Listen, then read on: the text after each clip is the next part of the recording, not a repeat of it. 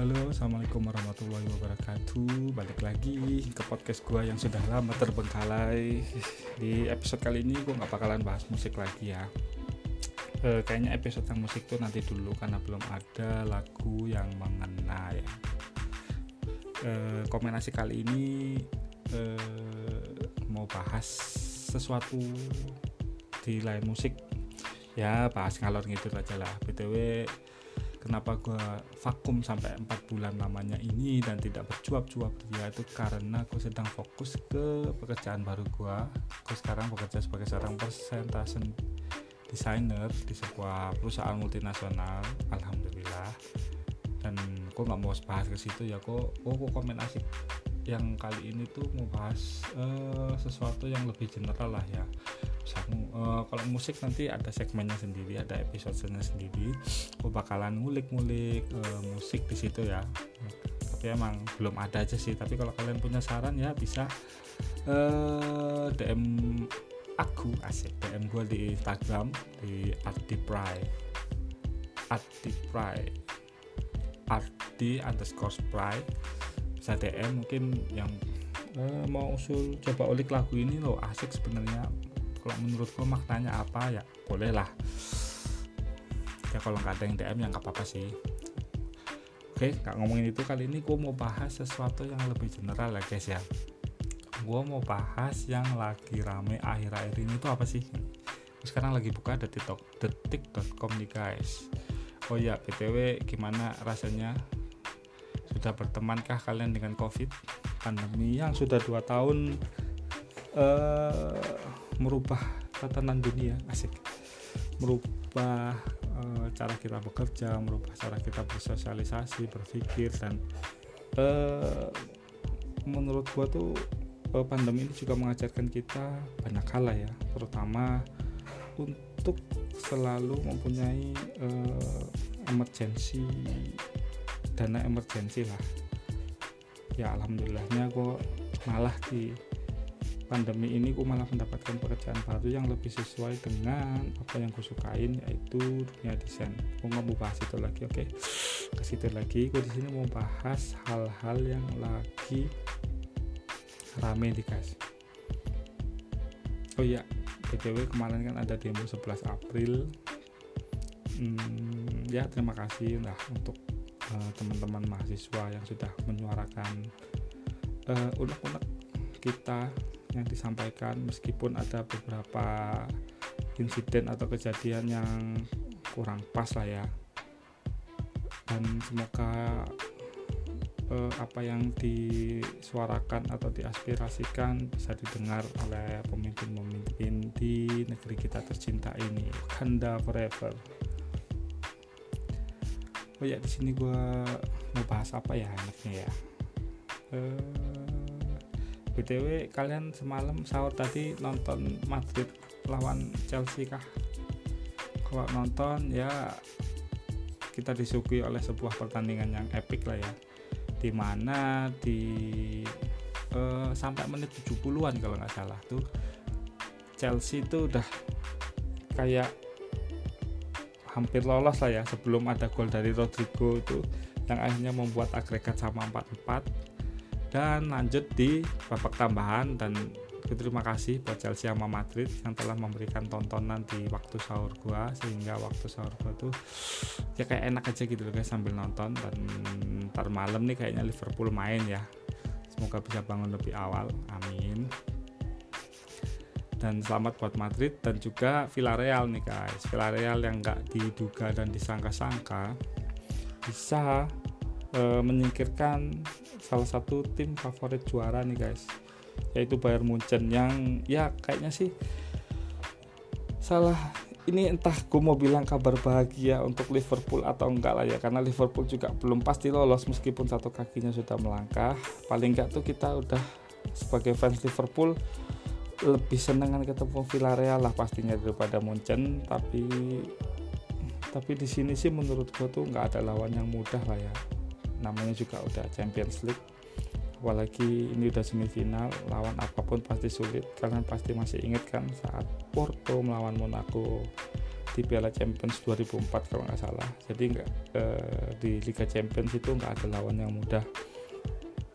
Dan gue respect sama Villarreal yang berhasil lolos sampai semifinal lah ya. Dan semoga bisa bertemu Liverpool. Semoga amin. Termalam masih main nih. Nggak mau berandai-andai yang terlalu jauh. Jadi ya itu salah satunya. Dan oh ya guys jangan lupa kayaknya lebaran ini buat kalian yang merantau bisa mudik lah. Siapin kondisi fisik kalian sama kondisi keuangan yang pasti eh, ya gimana ya namanya pandemi pasti ada beberapa perusahaan yang income-nya menurun dan semoga tidak mempengaruhi THR kita dan hal yang lain-lain sebagainya. Dan yang untuk yang berdagang semoga dibukanya kembali eh, proses mudik ini bisa menjadi berkah buat kita semua sih. Amin. Oh ya nih guys eh, ngomongin covid gue sebulan yang lalu akhirnya merasakan apa yang namanya itu covid. Jadi ya untungnya gue varian kayaknya varian yang nggak terlalu parah ya yang bener-bener ngerasain menggigil tuh semalam lah kalau nggak salah. Tapi udah itu doang walaupun akhirnya harus tetap isoman selama 10 hari tapi ya alhamdulillah lah. Paling nggak akhirnya udah dikasih poster sama Tuhan yang Maha Kuasa. Dan ya semoga udah membentuk uh, antivirus dari diriku sendirilah. Meskipun nanti sebulan gue pasti ikut poster ya nggak munafik juga sih gue kenapa ikut poster karena kalian juga yang di yang di luaran sana ikut poster pasti lebih ke hal administratifnya kan. Kita mengejar yang namanya sertifikat vaksin untuk biar bisa ke mana-mana. Dan buat kalian yang belum tahu aku sama istri sama anakku tuh adalah orang yang suka traveling ya. Uh, traveling tapi ya bukan wisata ya karena uh, aku sekeluarga tuh sukanya itu explore sih. Explore tuh gini loh. Kalian yang pernah nonton AADC pasti tahu ya di sana kan ada kata-kata uh, rangga kepada cinta yang traveling is about a journey not a destination. Dan kata-kata itu yang kayaknya tuh emang ngena banget ya. Emang iya sih dalam sebuah uh, perjalanan traveling itu kita cuma ngasih tujuan oke okay, kita mau ke Borobudur. Cuma uh, poin yang kita kejar tuh bukan Borobudurnya malah malah uh, perjalanan kita ke sana. Kalau uh, gue cuma mau cerita sedikit pas gue ke Jogja waktu itu gue nyewa motor ya dan gue ke sana tuh gak nggak yang langsung buru-buru gimana gitu. Waktu itu gue mampir dulu sebentar di alun-alun Sleman dan makan soto di sana lah ya. Habis itu jalan lagi. Terus kita tuh kalau ada lihat hal yang menurut kita menarik tuh kita agak pelan. Ya gue sebagai supirnya sih gue pelan. Jadi gue lihat gue nunjukin oh ini tuh ini ini ini gitu. Dan ini juga salah satu hal yang gue petik pas gue ngikutin 24 walk challenge kemarin guys. Eh, gue waktu itu kan dikasih ya di interview oleh Mas Himawan salah seorang ya bisa dibilang eh, bagian people development di tempat kerjaku yang baru. Dia kemarin nanya kan apa yang bisa didapatkan? Ya selain beramal pastinya dan juga sehat gue pas mengikuti 24 24 walk challenge kemarin tuh gini jadi kan kita disuruh jalan sejauh 10 kilo ya guys. Waktu itu gue ngambil rute itu dari rumah gue di Kelayatan Gang 3 sampai ke stasiun Kota Malang dan sedikit berputar yang finishnya tuh di rumah makan Kairo. Jadi gini oke okay sih kalau menurut beberapa orang Malang alah rutenya apa sih? Ngelewatin Janti, Kelayatan, Sukun, Kasin. Tapi pas kita jalan tuh kita tuh dapat sesuatu yang berbeda gitu loh guys. Selama ini kan kita kan kalau uh, ya terutama kerjaan gue lah ya yang dikejar deadline jadi kita tuh intinya tuh fokusnya tuh selesai selesai selesai gitu. Dan selama ini tuh kita nggak pernah menikmati eh, nggak uh, pernah menikmati apa yang apa itu yang namanya proses.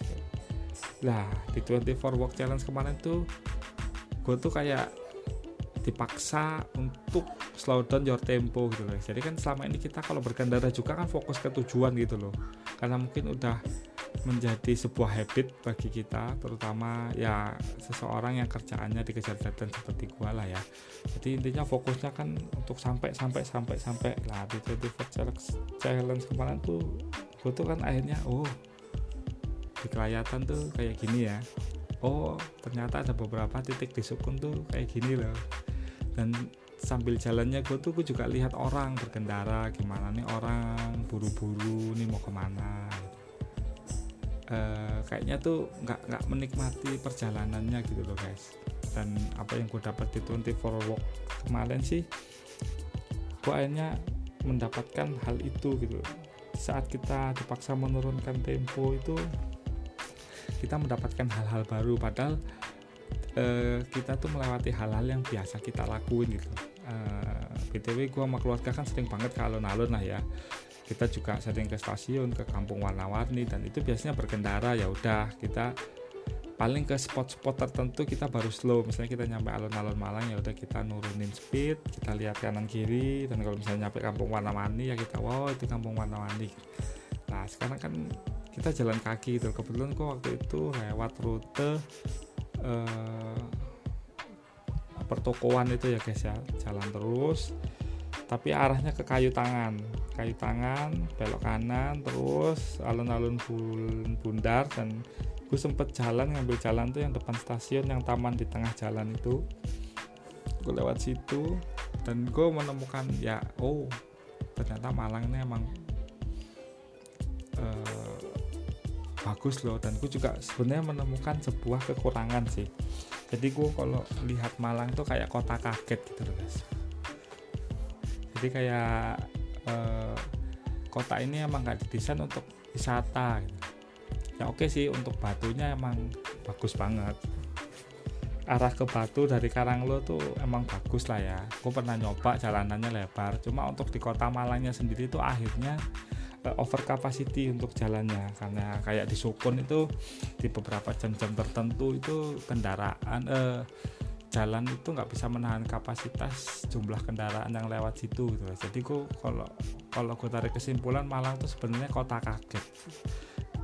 E, pemerintahannya tuh expect eh, ekspektasinya tuh Malang jadi tujuan wisata tapi nggak menyangka bakalan semeledak ini gitu. Jadi untuk beberapa event khususnya nanti apabila lebaran mudik udah dibuka ya biasanya tuh jalanan di daerah Sukun, Galunggung itu pasti macetnya ampun-ampunan.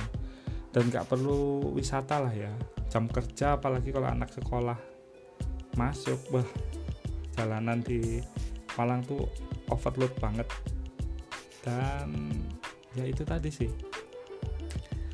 Tapi ya itulah plus minus kota tujuan wisata. Satu sisi ya keramaian itu pasti mendatangkan rezeki perputaran ekonomi yang cepat. Gue juga kaget Malang sekarang itu perputaran duitnya gila-gilaan lah ya nggak kayak dulu. Gue inget banget dulu kakek gue jualan nasi itu kayak susah lakunya. Dan sekarang orang jualan apa aja tuh pasti laku karena emang ya tuntutan zaman zaman sekarang tuh kayaknya tuh harus cowok cewek tuh harus kerja semua ya dalam sebuah rumah tangga. Tapi gue memilih enggak sih. Gue memilih biar istri gue jadi manajer di rumah aja lah. Dan eh, konsekuensi untuk eh, laki-laki dan perempuan bekerja tuh pasti eh, akhirnya si perempuan ya itulah harus nyari lauk tanda kutip lah ya jadi jam e, untuk Malang saat ini kebetulan kulinernya pesat banget. Mau nyari apa aja ada dan jualan apa aja tuh laku. Dan gue kaget karena Malang saat gue kecil tuh perputaran ekonominya nggak kayak gini dan ya alhamdulillah sih meskipun akhirnya banyak pendatang yang tinggal di sini gue nggak masalah dan gue salut sama orang asli Malang yang ya gue nggak mau mendiskreditkan e, beberapa wilayah. Cuma orang Malang ini welcome sama orang luar lah ya. Kalau ada orang luar apa gitu ya oke okay lah asal kalian nggak aneh-aneh. Kayaknya sih emang berlaku di semua tempat cuma ya ya udahlah buat yang tahu kalian pasti tahu. If you know you know. Tapi ya itu lagi itu tadi. Jadi ya untuk segmen kali ini cukup sekian lah ya. Nanti kita bahas yang lain lagi dan semoga puasa kita lancar amin assalamualaikum warahmatullahi wabarakatuh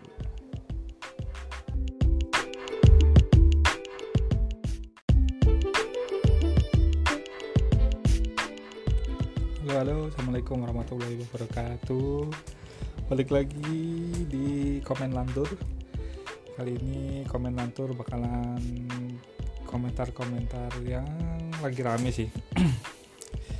Beberapa hari ini gue lagi concern banget sama kasus yang di NTB, yang di mana korban pembegalan ya.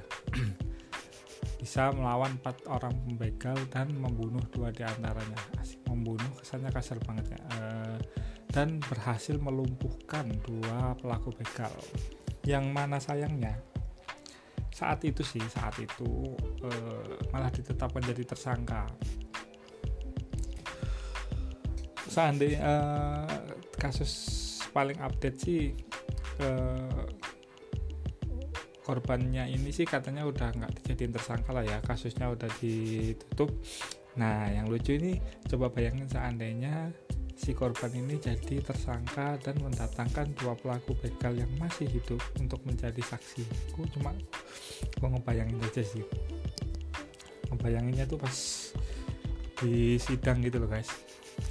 Kan pasti kan ditanyain, oke saksi silahkan. Ya saat itu pada tanggal sekian, pukul sekian, saya melakukan rutinitas kami Pak berempat. Kebetulan rutinitas kami adalah pengambil alihan paksa sepeda motor orang lain untuk kita gunakan untuk kemaslahatan kita berempat asik bahasanya keren ya lalu saat itu uh, si pelaku ini pak saat kita hendak rampas sepeda motornya beliau ini bermain kasar. Padahal kita harusnya itu kita. Tapi kenapa beliau yang mengambil peran itu? Dan akhirnya dua rekan saya gugur di medan pertempuran pak. Mereka gugur saat mencari nafkah untuk keluarganya pak. Enggak sih itu cuma bercandaan gue aja.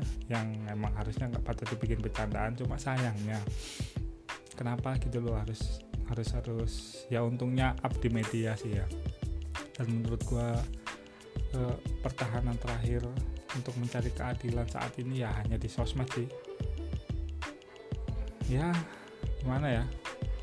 Karena keadilan keadilan itu baru didengar saat uh, trending Twitter atau rame di sosmed dibahas barulah kita menemukan secercah keadilan. Dulu yang pas di Bekasi juga uh, kurang lebih mirip-mirip lah ya dijadikan tersangka lalu sosmed heboh dan akhirnya malah diberikan penghargaan oleh saat itu kalau nggak salah Bekasi ya? Ya seperti itulah yang sangat disayangkan banget. Dan kemarin Northwest Derby dimenangkan oleh tim favorit gue Liverpool yang ya permainannya berat sebelah banget. Kalau dilihat sih kayak ya, gue nggak tahu ya kayak uh, eh, gue tuh dukung Liverpool tuh dari tahun 2000-an dari awal 2000-an lah zaman-zaman masih ada Emil Heskey duet sama Michael Owen ya. Uh, Gerard Hollier kalau nggak salah yang waktu itu treble mini menang. Gue ngeliat tuh se ya kalian tahu lah ya Liverpool pernah menghadapi fase terburuk mereka di awal-awal dekade 2010-an kalian tahu lah seperti apa. Secerca harapan muncul saat lulus uh, duet SAS saat itu yang hampir apa memenangkan gelar. Tapi ya sejelek-jeleknya Liverpool gini loh guys. Walaupun lagi parah-parahnya squad Liverpool tuh saat Northwest Derby itu nggak semengecewakan kemarin gitu. Itu ngerasa kayak dua pertandingan melawan MU itu kayak nggak ada passion nggak ada gregetnya. Oke okay lah gue sebagai fans Liverpool pasti seneng lah ya. Tim favorit gue menang cuma kayak ya ampun. Kalau mainnya kayak kemarin tuh kayak kayak ngelawan orang yang ibaratnya kayak Mike Tyson ngelawan orang yang udah mau bunuh diri gitu loh guys. Misalnya kayaknya tuh gue datang kering ini memang untuk mati. Kayak gitu loh kayak kayak nggak ada gue harus melawan. Kayak misalnya kayak ya ditentukan dengan kekuatan lah berjuang sekuat tenaga entah entah ya gue nggak tahu lah ya. Kalau dilihat dari kacamata penonton sih emang kayaknya udah ngelawan tim yang ada gairah gitu loh. Nggak tahu lagi sih kalau sebenarnya mereka sebenarnya spiritnya ada cuma karena emang udah nggak tahu mau ngapain ya nggak tahu lagi sih.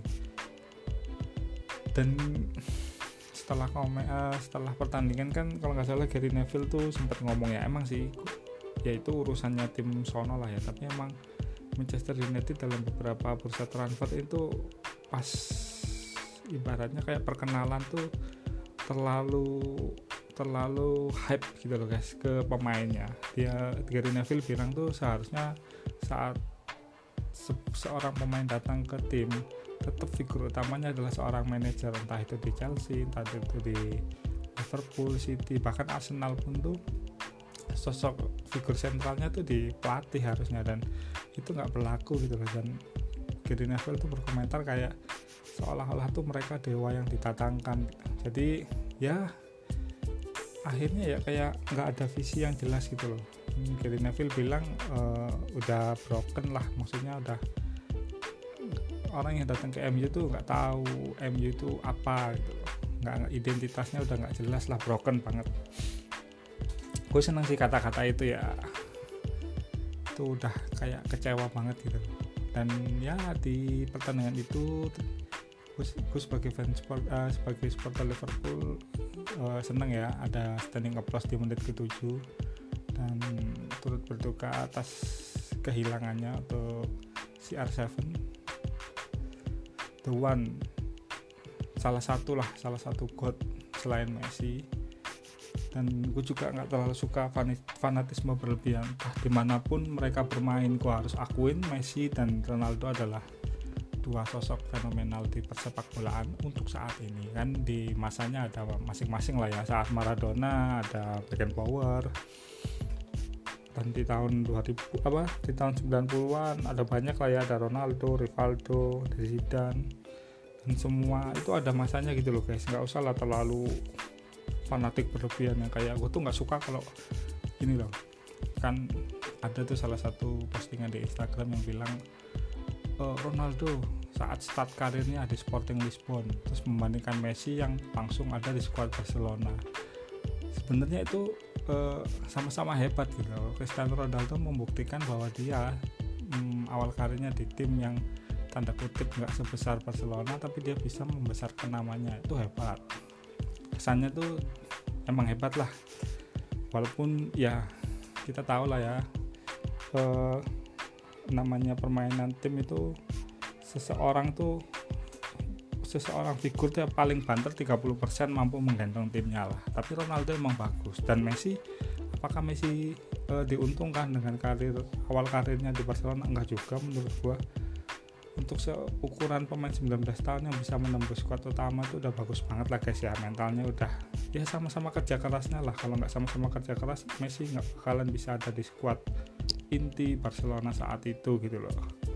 Dan bisa konsisten kita tahu lah Boyan Kerkik seperti apa. Oke okay, dia bisa start.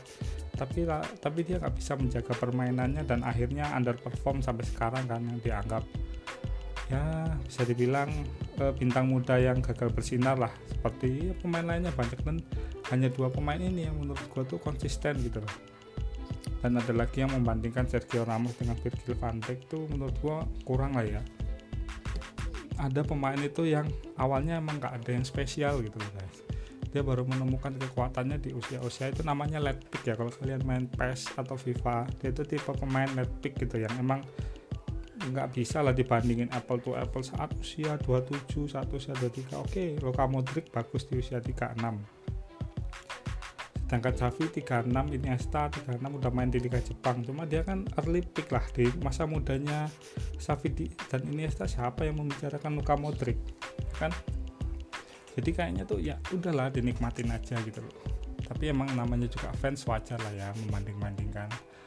So nggak masalah sih itulah yang membuat dunia olahraga itu indah. Dan gue mau nyebrang lagi ke komentarin ini Boston Celtic nih guys. Kebetulan kan gue salah satu orang yang menggemari Kyrie Irving dan dia bermain di Nets. Dan Nets saat ini tertinggal 2-0 dan menurut gue gue sedikit kaget dengan Boston Celtic musim ini ya. Yang season ini tuh kayaknya tuh uh, di luar sorotan tapi ternyata mainnya konsisten guys. Dan gue lihat rekornya di regular season itu bagus banget loh.